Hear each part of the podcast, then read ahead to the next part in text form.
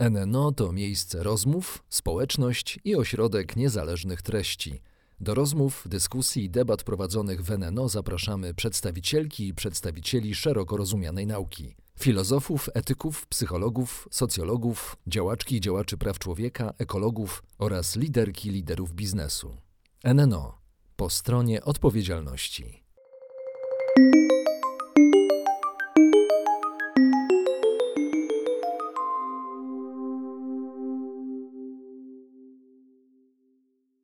Dzień dobry Państwu, nazywam się Eliza Michalik, jestem dziennikarką, jak już Państwo wiedzą, jeśli Państwo oglądali poprzednie odcinki z naszego cyklu NNO i dziś rozmawiam z Tomaszem Raczkiem, którego przedstawiać oczywiście nie trzeba. Dzień dobry. Nie, Witaj. dobrze jest mi przedstawić, cześć, że się filmem zajmuję.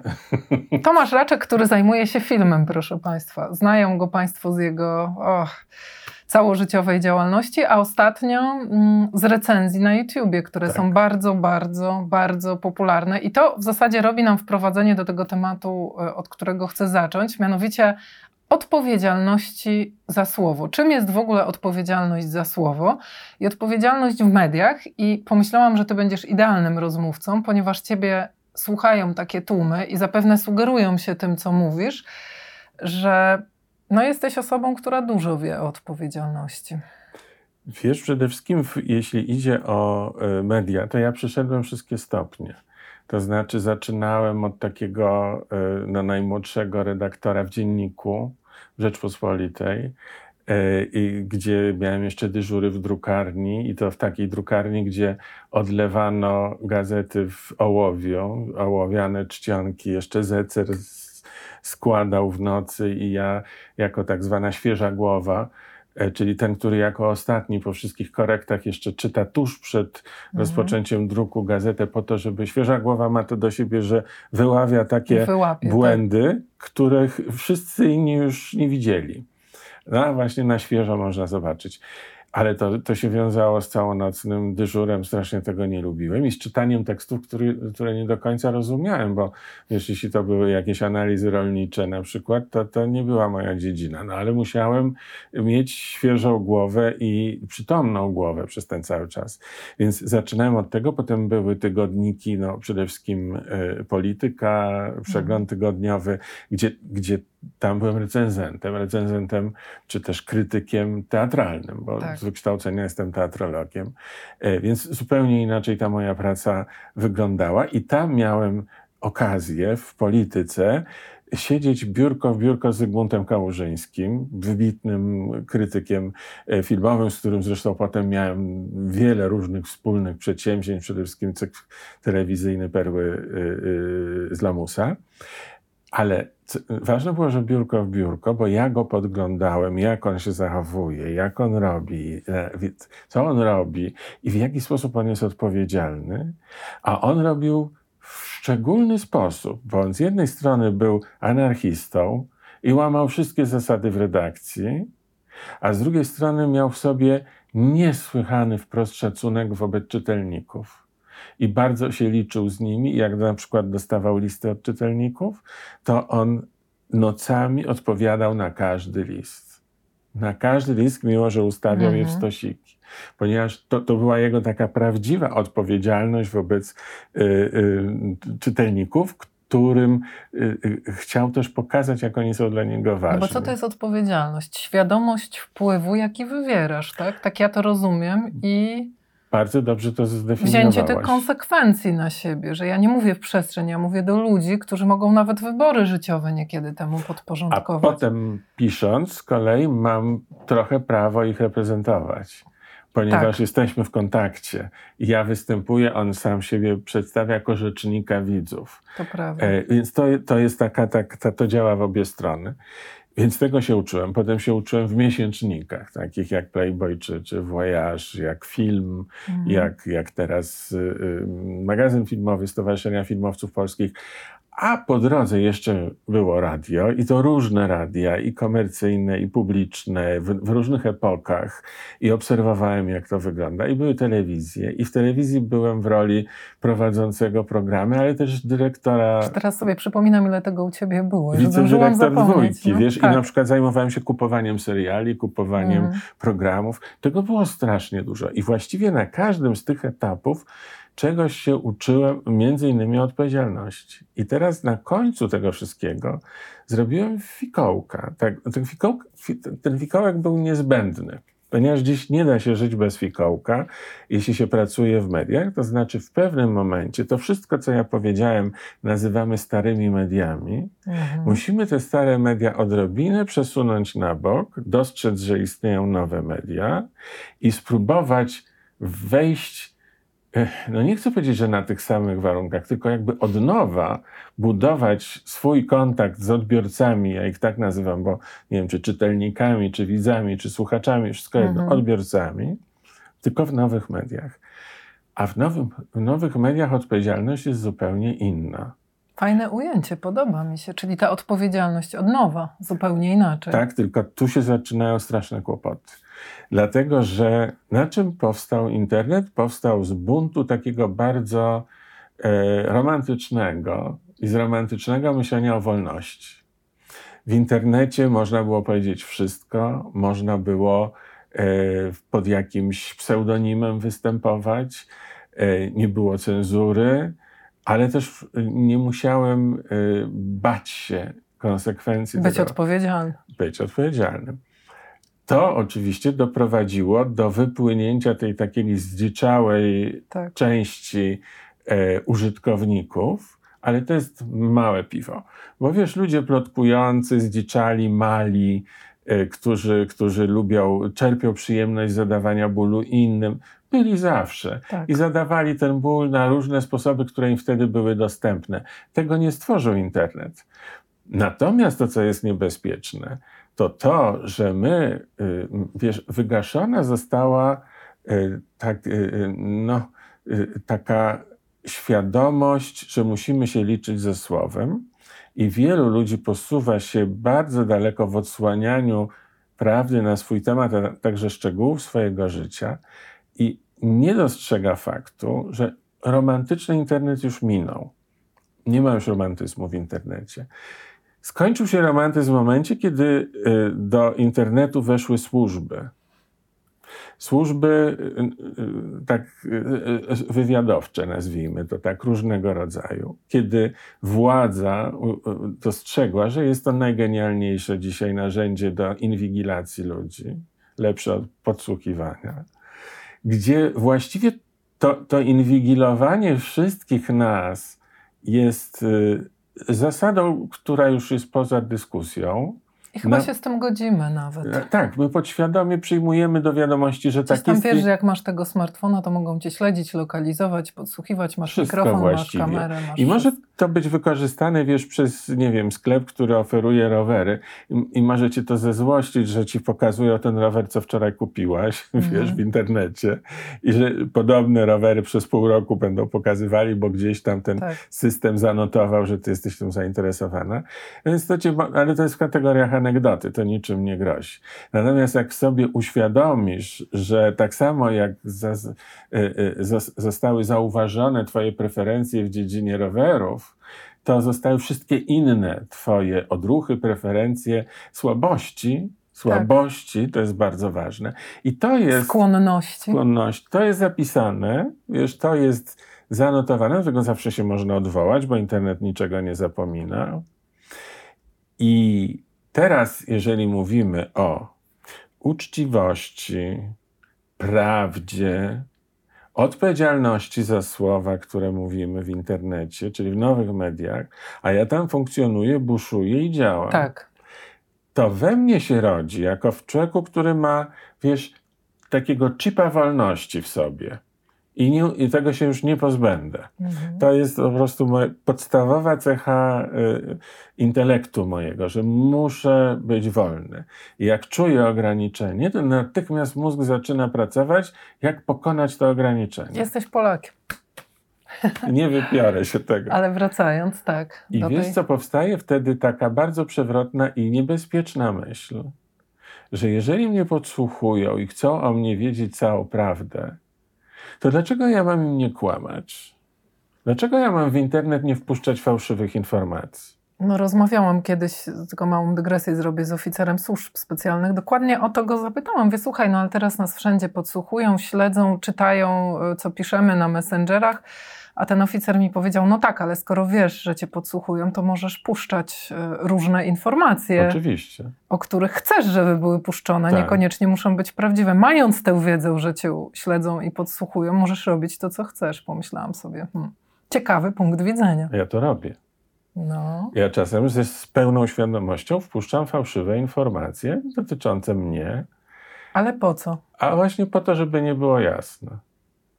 Że wiesz, jeżeli, jeżeli internet próbuje no, przeniknąć ciebie i ma wszystkie narzędzia, y, które pozwalają mu to zrobić, to znaczy ludzie posługujący się internetem, mają wszystkie narzędzia, żeby to zrobić, to ja jedyne, co mogę zrobić, to wpuszczać dym do pomieszczenia. No, to znaczy robić, żeby było niewyraźne. Zaciemniać obraz tak. sytuacji. Czyli dziś wrzucam zdjęcie z moim chłopakiem, jak jemy płatki śniadaniowe, a jutro z moją dziewczyną i niech się głowi.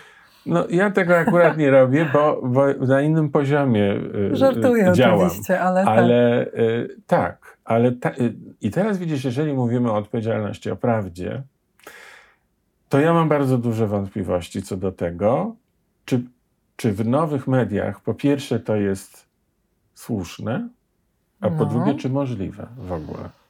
I o ile w starych mediach, które miały w sobie jakiś taki walor edukacyjny, no może nie te najbardziej komercyjne, ale w zamyśle, E, one miały człowieka wzbogacać, rozszerzać horyzonty, dawać mu wiedzę, nawet jeśli przez rozrywkę, ale e, wzbogacać go. Nowe media nie robią tego. Nowe media mówią tak: masz tu wszystko, bierz co chcesz. I im bardziej jesteś inteligentny, tym lepiej sobie wybierzesz i tym ciekawsze rzeczy znajdziesz.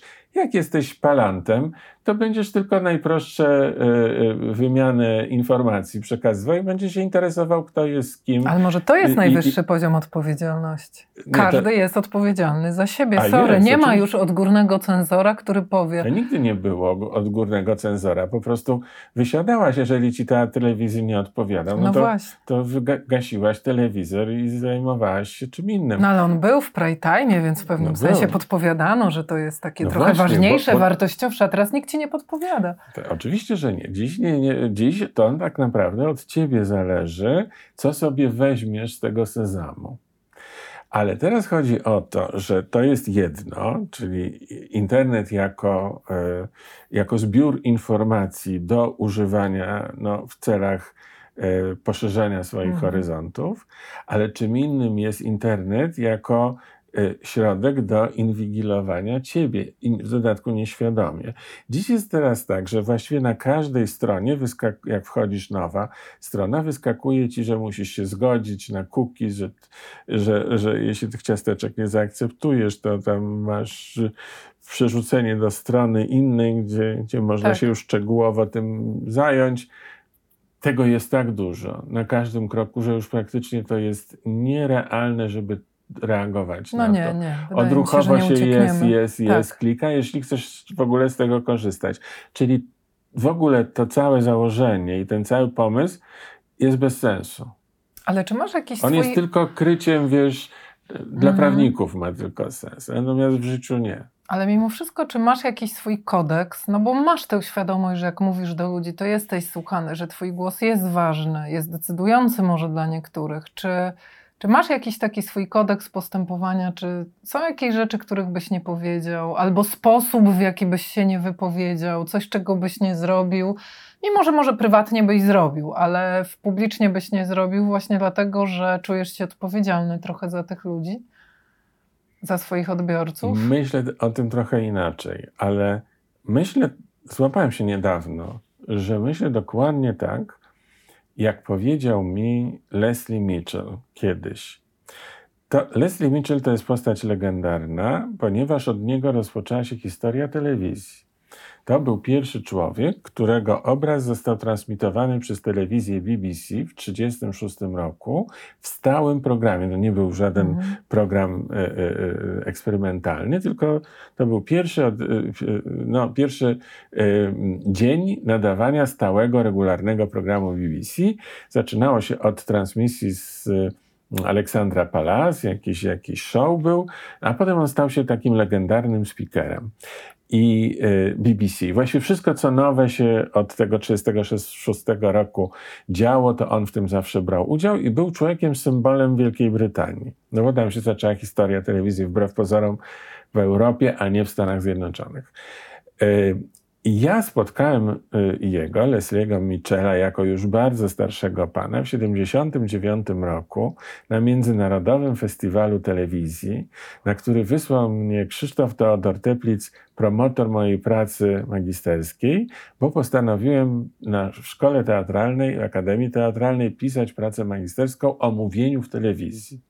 No i ponieważ wszystko się zaczęło w Anglii, no to chciałem pojechać do Anglii, to wtedy nie było takie łatwe, jeszcze trzeba było wizy załatwiać, trzeba było udowodnić, iść do ambasady i pokazać 10 funtów na dzień, że ja mam w gotówce 10 funtów i tyle, ile miałem razy 10, to na tyle dni dostawałem Mogłeś wizę. Pojechać. Tak, jak miałem 200 e, e, funtów, to na 20 dni dostawałem, ja nie dnia dłużej.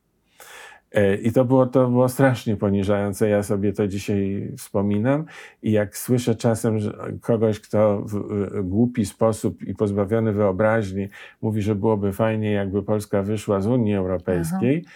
to sobie myślę wtedy, człowieku, nie wiesz, nie żyłeś w tamtych czasach, kiedy my byliśmy nie tylko poza Unią, my byliśmy poza Europą po prostu.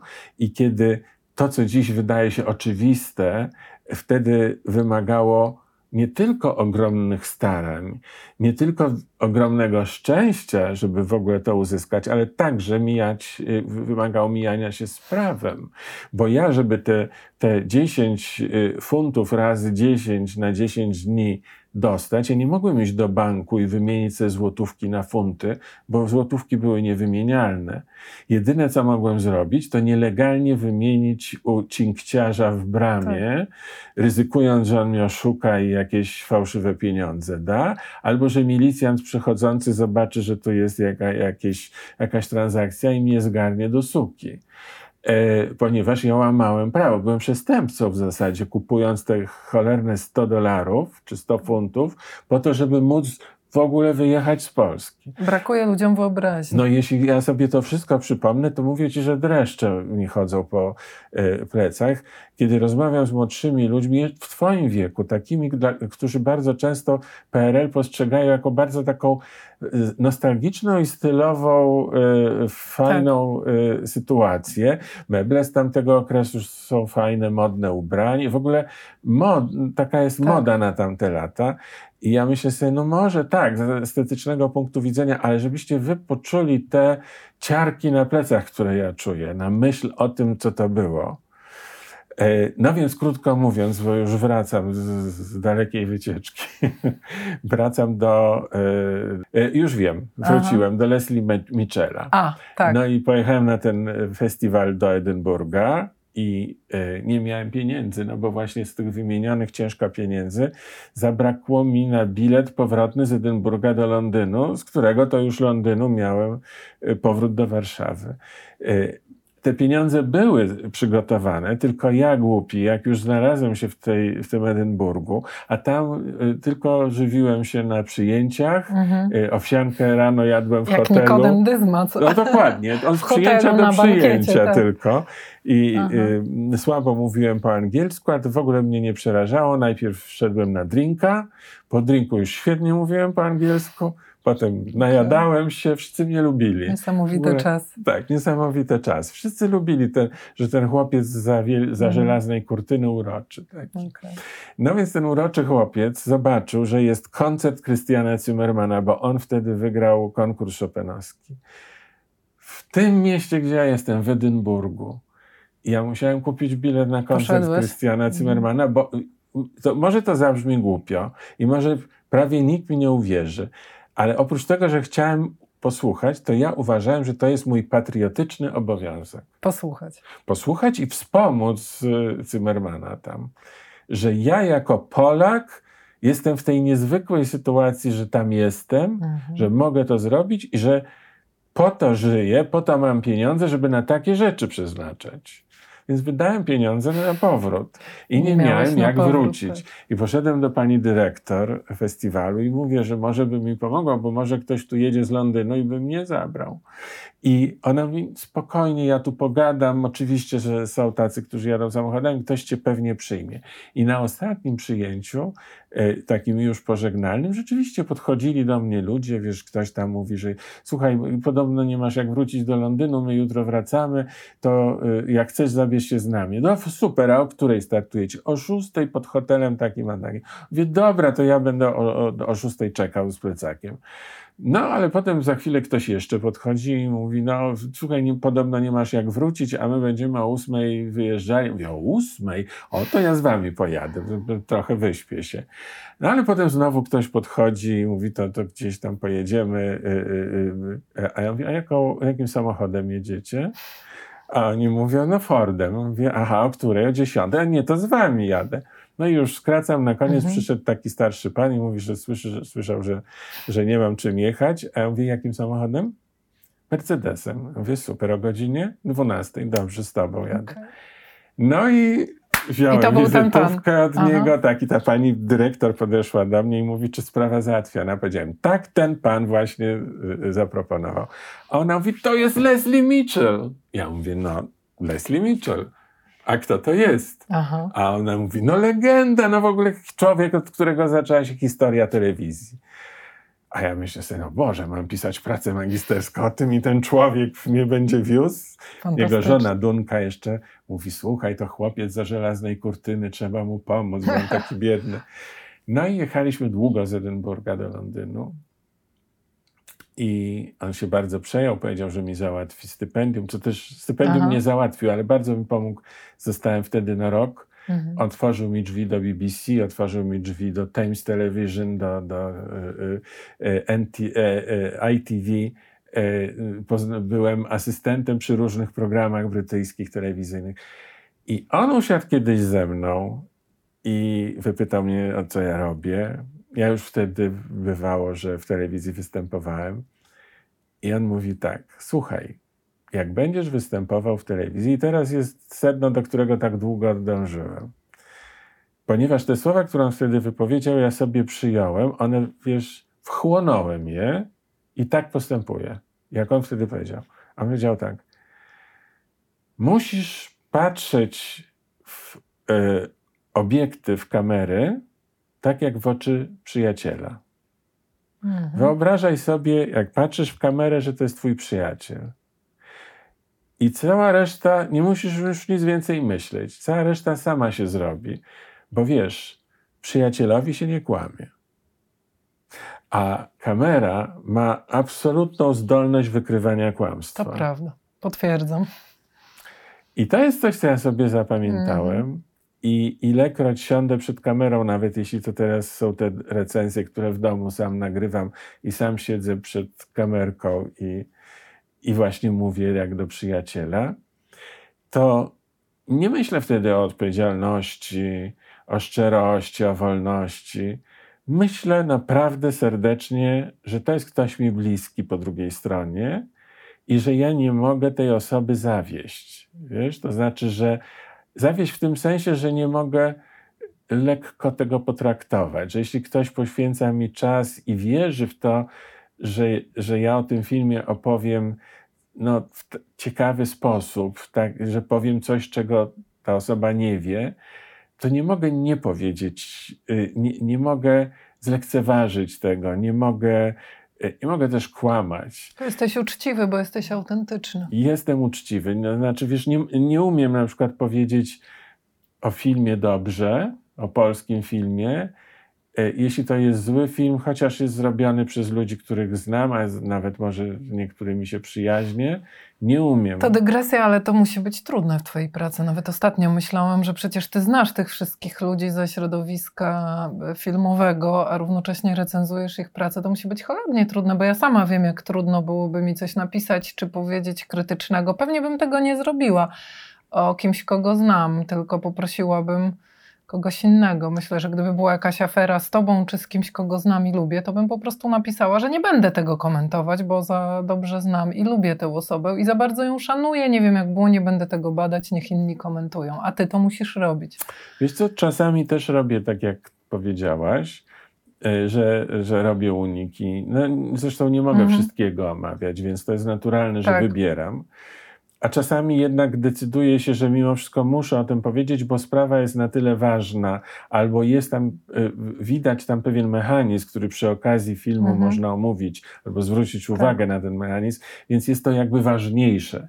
I daję Ci przykład y, z ostatnich dni. Są dwa złe filmy, które, polskie, które widziałem, i o jednym postanowiłem powiedzieć i, i wyjaśnić, dlaczego to jest niedobre. I właśnie ten mechanizm takiej uczciwości i, i prawdy tam został zachwiany.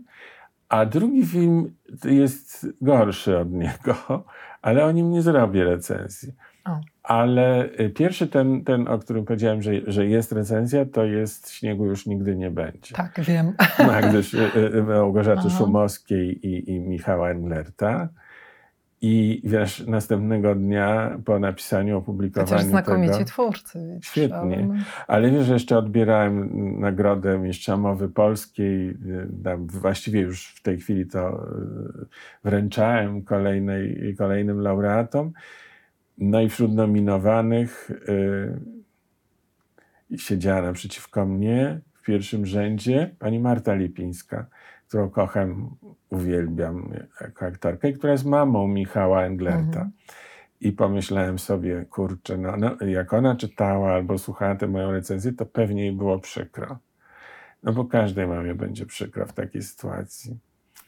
I ją tak strasznie lubię, ale no, no, no ale sprawa była ważna. Mhm. I, I uznałem, że po, po drugie, ja ich naprawdę bardzo cenię, twórców, i Goś, Małgośkę Szumowską i Michałem Gerta. I uważam, że oni, jeśli by zostali, mm, jakby tu powiedzieć, jakby ktoś im pomógł e, wznieść się o jedno piętro wyżej mhm. i nie kalkulować, tylko pozwolić sercu trochę, dopuścić serce do swojej twórczości, E, serce umownie oczywiście, ale chodzi mi o taką uczciwą, szczerą pasję, pragnienie, prawdę z siebie, wiesz, a nie tylko wyliczać, na co jest w tej chwili yy, moda na festiwalach. No to jest taka różnica między pisarzem, wydaje mi się, ja kocham literaturę, który pisze z siebie strzewi. Wydaje mi się, że prawdziwie wielka mhm. literatura, na przykład taka, jaką pisał Tolstoj, to jest masz, to właściwie nie jest tak, że ty piszesz książkę, właściwie ta książka się pisze przez tak, ciebie, jakby tak. coś tę książkę upisało, tak. a ty jesteś narzędziem, to wypływa z środka. Natomiast jak pisarz siada, i, a, a, byli tacy pisarze w historii, siadał i mówił, a teraz napiszę wielką książkę. To nigdy nie była wielka dokładnie. książka. No dokładnie ten to, sam I tu podejrzewam, że o tym mechanizmie tak. A teraz zrobimy wielki film, bo jesteśmy tak. wielkimi twórcami. No i, no i... i tu ktoś, ktoś powinien być taki, kto powie, że ja to widzę, ja to tak, widzę, że tak, tak jest. działacie. Mądrzy doradcy. A drugim filmem, o którym nie napiszę i nie powiem recenzji, jest Magnezja. No zdecydowanie nieudany film, ale nie, nie będę już tego rozwijał. Dlaczego postanowiłem nie zrobić drugiej recenzji? Ponieważ powtarza się w dużej części ta sama grupa aktorów, którzy wystąpili w. Oni są zresztą związani rodzinnie. I nie chcesz podwójnie dobijać. Tak, że, żeby nie wyglądało, że się uwziąłem. No. Rozumiem. No. no. to to jest. Y, miłe, jesteś miłym człowiekiem. Czy wiesz, to nie, właśnie coś takiego oczywiście. zaczynasz myśleć, że no, w końcu tyle jest innych złych filmów, a ja to się prawda. przyczepię akurat do nich, którzy nie są najgorsi. Oni są właśnie w tej sytuacji, że dużo się od nich oczekuje, a zawiedli oczekiwania i wtedy to boli. Natomiast od takich, co się nic nie oczekuje, no to oni też niczego nie zawodzą i wtedy nie ma potrzeby, żeby z tych najgorszych filmów To pisać recenzje. Nie jest w temacie naszej rozmowy, bo chcę zmierzać do poprawności politycznej, ale tak cię szybko zapytam, bo się nad tym zastanawiam. Jak jest bardzo zły film, w którym grają dobrze aktorzy, to się zdarza, to ja się zawsze zastanawiam, czy to jest wina tego aktora, no bo w końcu ten aktor jest świetny, ale ma tak kiepski scenariusz, ale z drugiej strony myślę sobie, ale to jest tak świetny aktor, że on czytał ten scenariusz, zanim zgodził się zagrać, powinien był odmówić. Ale wiesz, zawsze mam dylemat, czy mogę obwiniać aktora. Zdarzają się zresztą dobre role w kiepskich filmach, ale bywają też świetni aktorzy, którzy no, gadają drętwe kwestie, bo taki mają scenariusz, a ja wiem, że to jest wielki aktor, jestem zła na niego. Wiesz co, y, bywa różnie. Po prostu to nie jest zero-jedynkowe. Czasem jest tak, że aktor y, godzi się na jakąś rolę y, na podstawie scenariusza, który nie jest ostateczny, Mhm. Nad którym jeszcze trwają prace. Ale ten scenariusz, kiedy się już zaczyna realizować film, często zdarza się, że producent się zmienia. Był inny producent, teraz jest inny, ten inny ma trochę inny pomysł. I ten scenariusz na planie jeszcze bardziej się zmienia. I na planie nagle się okazuje, że to nie jest to, co ja myślałem, że będzie. E, No, można, e, wtedy zależy, jak jest umowa sformułowana. Czy w ogóle jest taki ruch, żeby zrezygnować z roli bez odszkodowania finansowego e, na rzecz producenta, czy nie mam takiego ruchu.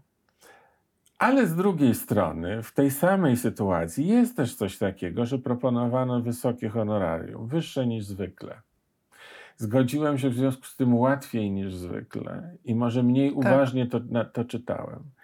W związku z tym, co prawda, trochę y, y, produkcja mnie zwiodła i trochę jest ostatecznie ta moja rola inna niż miała być, Ale chciałem ale pieniądze zarobić. są te same i je To dostałem. też kwestia I odpowiedzialności. są takie filmy, gdzie płacą, jeszcze do niedawna były w Polsce filmy, gdzie płacono aktorom z walizki. No bo ja uważam, Gotówką. że w- wiesz. A, okej. Gotówką z walizki. Ale powiem teraz coś, co Mhm. się zdarzyło w życiu. Nie, żeby nie być ogólny, no, tylko w, nie, nie operować ogólnikami. Otóż napisałem swoją taką najstraszniejszą recenzję w życiu. Właściwie wypowiedziałem w nowych mediach w internecie na temat filmu Kacwawa. Mhm. E, No niszczyłem, powiedziałem, że ten film jest jak nowotwór i, i niszczy e, środowisko filmowe, a najbardziej mi jest żal aktorów, wybitnych aktorów, którzy tam znaleźli się i, i musieli w tym zagrać i że, e, że czułem się, patrząc na nich, e, jak, jakby ktoś na moich oczach gwałcił członka mojej rodziny. Tak dokładnie powiedziałem. No, to byłem prawie że oskarżony do sądu, no, bo groził mi producent tym, że sprawę odda do sądu, o, o, bo, bo ludzie wreszcie nie poszli na ten film i on poniósł straszliwą klęskę. No i producent chciał mnie obarczyć odpowiedzialnością za, Za tę to. klęskę. Tak, za Mhm. tę klęskę, że za to, że powiedziałem o nowotworze i o gwałcie i tak dalej, to ludzie nie poszli i przeze mnie on tam iluś milionów nie zarobił. No ale ostatecznie nie poszedł do sądu. Natomiast spotkałem po jakimś czasie e, znakomitego aktora e, Szyca, który podszedł do mnie i powiedział, że on mi w sumie dziękuje za to, bo on się wtedy... Że ludzie nie zobaczyli? Nie, no, że nie zobaczyli, a że ja to gra? napisałem. Aha. Czy powiedziałem, bo on się otrząsnął potem. Przestał, zaczął inaczej dobierać rolę. Przestał grać, grywać w szmirach. Przestał grywać w szmirach. I on wykorzystał to, co ja zrobiłem w taki sposób, jak ja o tym myślałem. Fantastycznie. Ponieważ ja chciałem och- uchronić ich przed złem, Mhm. a nie, nie pognębić. I on właśnie to, tak to zrozumiał i wykorzystał to. Robi teraz świetne rzeczy. Już pomijają To prawda, dojrzał bardzo. dojrzał jak e, e, teatralne role znakomite i ma swoją e, firmę produkującą Mhm. audioteatr. Także no, ja mam takie poczucie spełnionego obowiązku w sprawie Kacwawa i, i myślę, że tak to można odbierać. Bardzo dużo zależy od człowieka, od tego, jak właśnie ten ktoś przyjmie, czy uzna, że to jest dla niego Mhm. wyciągnięta ręka, czy że to jest że ktoś mu chciał dokopać i, i, i zrobił. A muszę zadać Ci to pytanie. Czy ktoś kiedyś chciał Cię przekupić, żebyś napisał dobrą recenzję? No bo to jest. Nie, recenzję nie, ale na samym początku mojej działalności chciała mnie przekupić pewna aktorka, żeby mi załatwił rolę. I to było w Teatrze Komedia w mhm. Warszawie, gdzie ja byłem jako student e, pierwszego roku teatrologii asystentem Olgi Lipińskiej. E, bo, tam pojechałem e, właśnie w ramach zajęć, taki, taki, taki był przedmiot nauki pomocniczej i mieliśmy pisać dziennik prób i uczyć się, jak wygląda robienie teatru naprawdę. Ja sobie wybrałem teatr komedia, a nie teatr narodowy, czy Ateneum, czy, czy dramatyczny, po to, żeby zobaczyć prawdziwy teatr. Nie taki teatr, co tylko sami mistrzowie są, tylko taki teatr, do którego ludzie przychodzą się pośmiać, y, w którym są różni aktorzy, także mhm. tacy, których nazwisk nie znam. E, no poza tym był najbliżej mojego domu. I pomyślałem sobie, a i wtedy dyrekcję obejmowała Olga Lipińska. Byłem tego bardzo ciekaw. Poszedłem do pani Olgi, zapytałem, czy ona by zechciała mnie przyjąć. Ona zechciała i prowadziłem dziennik. Tam musiałem na końcu taką klauzulę napisać, że tego dziennika nigdy nie opublikuję. Dziennik prób. A po zakończeniu, kiedy doszliśmy już do premiery, to pani Olga zaproponowała mi pracę w Teatrze Komedia jako sekretarza literackiego. Ja od drugiego roku studiów w Akademii Teatralnej. Jednocześnie pracowałem na etacie w teatrze jako sekretarz literacki. Musiałem mieć specjalną zgodę od rektora Tadeusza Łomińskiego, żeby na dziennych, dzienne studia łączyć z pracą etatową. No ale właśnie, po tym, to, to przedstawienie pierwsze, przy którym byłem asystentem, nazywało się Gwałtu, co się dzieje, Aleksandra Fredry. No i potem był po premierze bankiet. Na bankiecie było, jak zawsze, dużo alkoholu. No i w pewnym momencie usiadła mi na kolanach pewna znana mi aktorka, którą pamiętałem z filmu Zakazane Piosenki. Chyba w Skarbie też występowała, czy bardzo mhm. dawnych filmach. Usiadła mi tak, a była przez te wszystkie lata wspaniale obdarzona, mhm.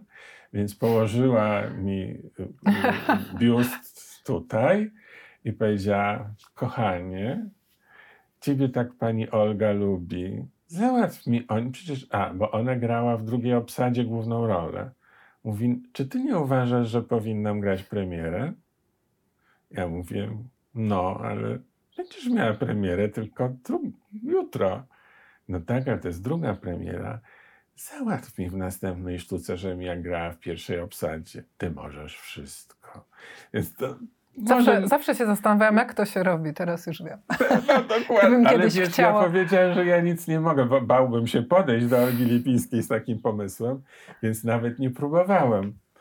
Niemniej coś takiego miało miejsce i to było nadwzruszające, bo to wiesz, to nie była próba przekupstwa, to była taka próba... Ale nie jesteś naprawdę wpływowy, póki ktoś nie przychodzi, żebyś mu coś załatwił, więc jesteś wpływowy. Bardziej są wyobrażenia innych osób na mój tak, temat. To, ale tak prawda, często bywa.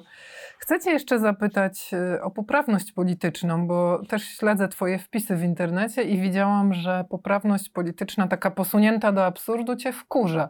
I krytykujesz y, usuwanie filmów czy różnych scen, krytykujesz taki głupi język politycznej poprawności, no ale to jest niepolityczne, niepoprawne politycznie w każdym razie. Czy nie boisz się, że zostaniesz gdzieś tam wpuszczony, wiesz, do bocznego nurtu i, i, i napiętnowany, jako ten niewrażliwy.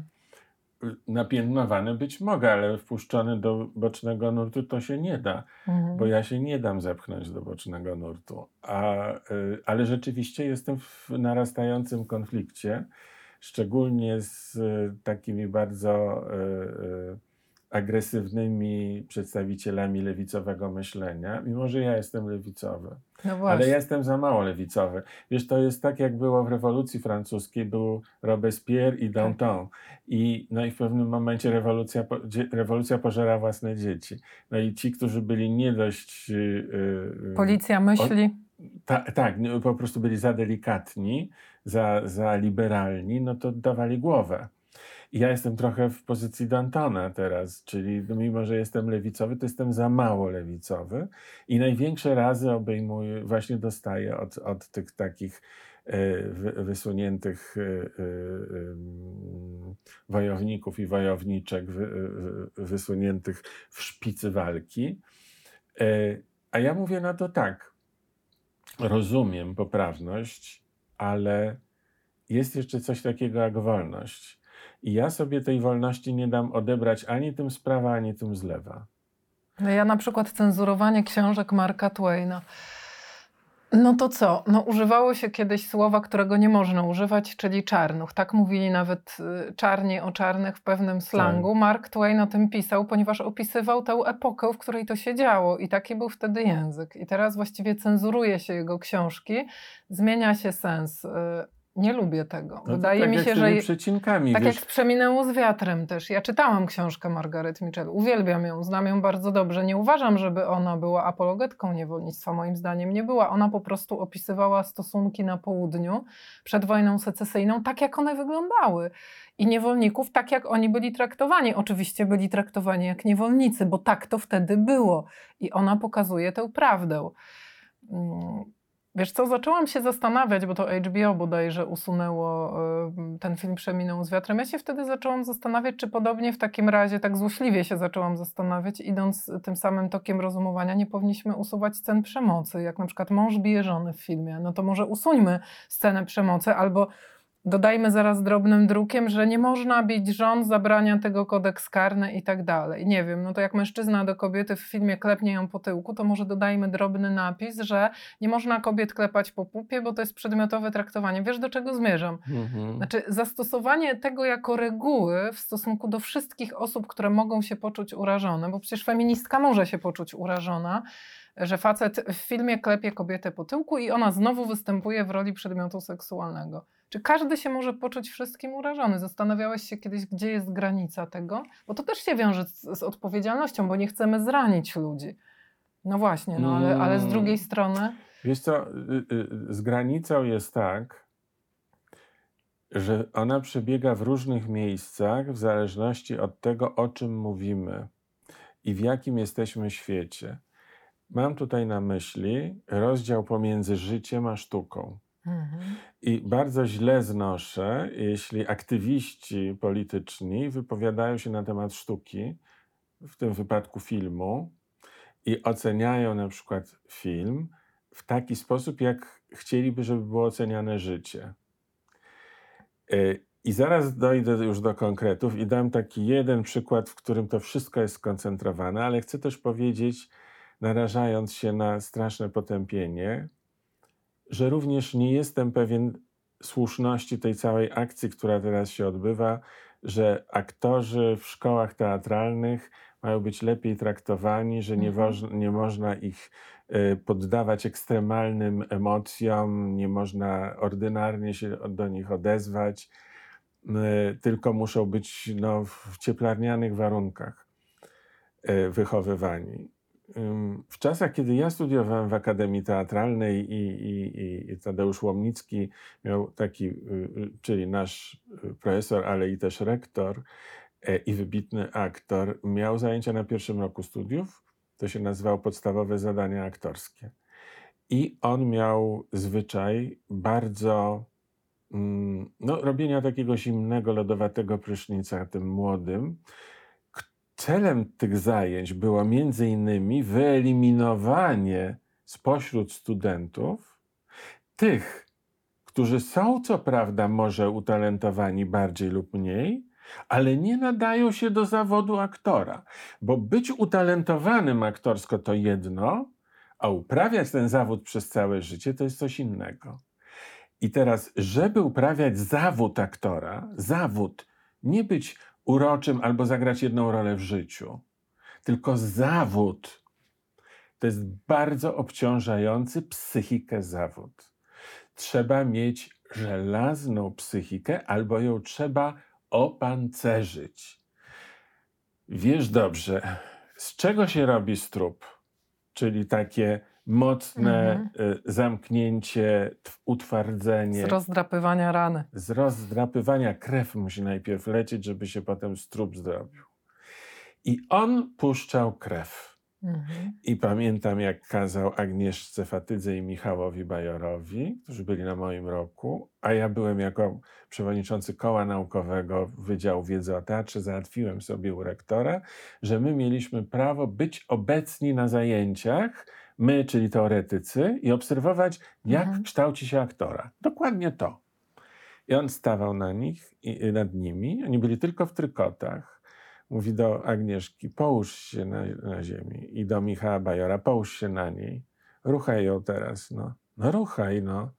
No jak to robisz? Ja byłem zdrętwiały, siedząc pod ścianą i myślę, Jezus Maria, e, co ja teraz bym czuł, jakbym tam był. Mm. Oni, te, oni też byli, no mm. widać, znaczy za chwilę zrobił przerwę Łomnicki, ja do niego podszedłem na korytarzu, mówię, Panie profesorze, dlaczego pan je gwałci? Mhm. Przecież to jest gwałt. Tak. A on mówi: Ja muszę ich teraz zgwałcić po to, żeby potem ich życie nie gwałciło, jak będą w teatrze. Ponieważ to będzie na porządku dziennym, że oni muszą ekstremalne stany wchodzić, wracać do nich, nie mogą brać tego do siebie. Mhm. Oni muszą strzepnąć rolę, która jest brutalna i y, umyć się i pójść do domu i zjeść kolację z rodziną i pomóc dzieciom przy lekcjach. Y, do tego trzeba pewnej sprawności emocjonalnej, bo inaczej oni się rozwalą, oni mi pójdą w narkotyki, w alkohol. To trochę tak, jak opowiadał mi kiedyś komandos o szkoleniach, jak brutalnie bardzo traktuje się tych kadetów, bo uświadamia się im, że no jak pojadą na misję, no to niestety terroryści, jak wpadną w ich ręce, będą ich tak brutalnie Dokładnie. traktować. I jeżeli po prostu nie wytrzymasz tego na szkoleniu, no to, no to tego nie wytrzymasz. A, a tutaj cię szkolą po to, żebyś sobie poradził w takiej sytuacji, bo, no bo, to, bo będą te ekstremalne sytuacje. po to się tego uczysz. One tak? będą przez kilkadziesiąt lat. No ale wiesz. teraz to by nie przeszło. Teraz byłaby skarga. Ale Eliza, obiecałem ci mhm. teraz taki przykład, w którym to wszystko jest skoncentrowane.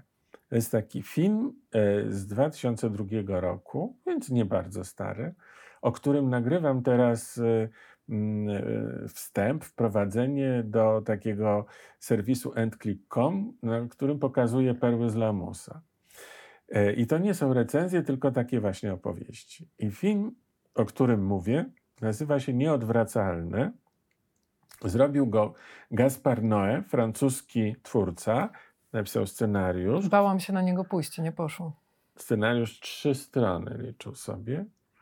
E, wyreżyserował, sam był operatorem, sam montował ten film.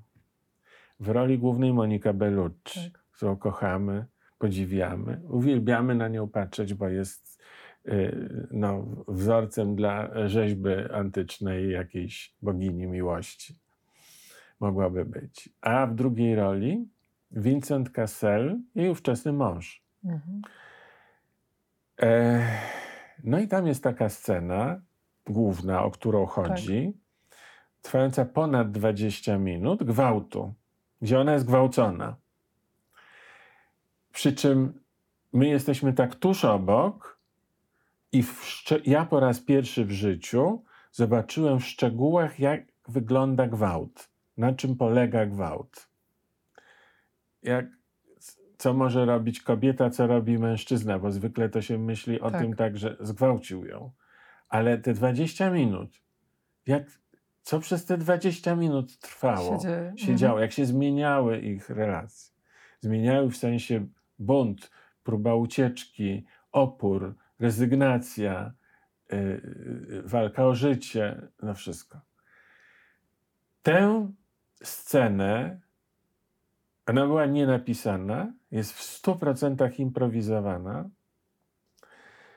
e, trwa ponad 20 minut, realizowano przez dwa dni i scena e, jest na jednym ujęciu, to wszystko filmowane, bez montażu.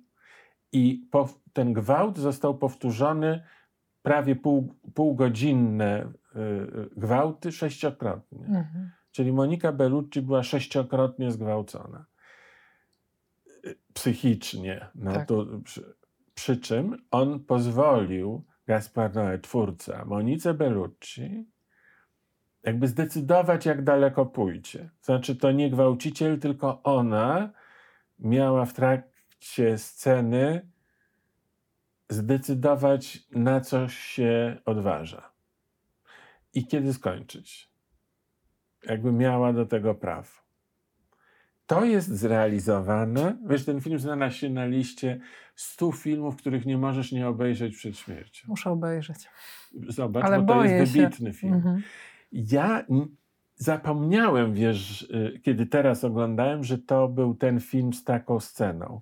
I ta scena mnie zaskoczyła. Znaczy, ona się zaczęła dziać, ja w sobie dopiero uświadomiłem wtedy, Boże, to jest ten film. I patrzyłem, wiesz, trudno mi określić nawet, ja chyba wpadłem w stupor w ogóle. Stupor, czyli taki brak reakcji, że w ogóle moja y, emocjonalność, intelekt po prostu y, zawiesiły się w tym momencie. Ja tylko mogłem patrzeć i żadnej reakcji. Nie mogłem też uwierzyć w to, że to jest filmowane w taki sposób. Wiesz, na pokazie tego filmu na festiwalu w Cannes z sali wyszło 2400 osób. Z sali chyba na 3000 Mhm. w, w Newsweek napisał, że to jest film, z którego wyszło z sali najwięcej ludzi w historii kinematografii. Więc to jest ekstremalne. Ale potem przeczytałem wywiad z Moniką Bellucci. Jak ona do tego podchodzi? No więc ona powiedziała, że no ona tego tak bardzo nie przeżywała. Jest pewien problem, to znaczy ona już nigdy tego filmu nie chciała zobaczyć i ona go nie zobaczyła ale, ale uważała, że to jest jej zadanie aktorskie i że ona to chce wykonać. I teraz zastanawiam się, ten film i to zadanie aktorskie dajemy do, pod dyskusję dziś dyskutującym studentom szkół teatralnych. To znaczy, usłyszałbym pewnie, że to niech to zagra, bo już tak słyszałem, jakaś y, statystka, albo wiesz, Mhm. y, y, y, stripteaserka, albo ktoś taki. Tak jakby stripteaserkę łatwiej było, wiesz, gwałcić. Albo ba, można Tak. było, prawo, bo ktoś to tak powiedział Tak. kiedyś. E, że to nie, aktorka takich rzeczy nie będzie robić. No i teraz w związku z tym myślę, to ja, co mamy myśleć o Monice Bellucci? Znaczy to co, ona jest jakaś zdegenerowana? Jeśli my jesteśmy lepsi, polscy aktorzy są lepsi, bo takich rzeczy by nie zrobili nigdy. No ja myślę, że to wręcz przeciwnie, że aktorstwo to sztuka. To taka rola, to tak jak Picasso, który maluje obraz, no bo to pokazuje, to ci oddziałuje na emocje. No nie? uwielbiam to, co powiedziałaś, bo Mm. Picasso jest najlepszym tutaj y, skojarzeniem. To jest tak, jak stanąć przed obrazem Picassa i powiedzieć, No no, ale tak. przecież tak nie wygląda ta kobieta. No tak, No nie, bo to jest sztuka właśnie. to jest sztuka. A sztuka polega Mhm. na tym, że nie musi tak wyglądać.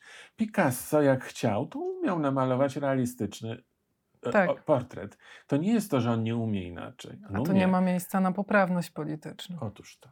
I ja, jako człowiek działający w dziedzinie sztuki, mam bez przerwy ten problem, bo ja jedną nogą jestem, wiesz, w świecie filmu, w świecie sztuki, a drugą w świecie rzeczywistym. Yy, I, yy, I nie uważam, żeby w życiu miało być tak jak w filmie, a w filmie tak jak w życiu. I to jest idealna puenta naszej rozmowy, po prostu idealna. dziękuję bardzo. Tomasz Dziękuję. Raczek, dziękuję. Dziękuję. I Państwu także dziękuję.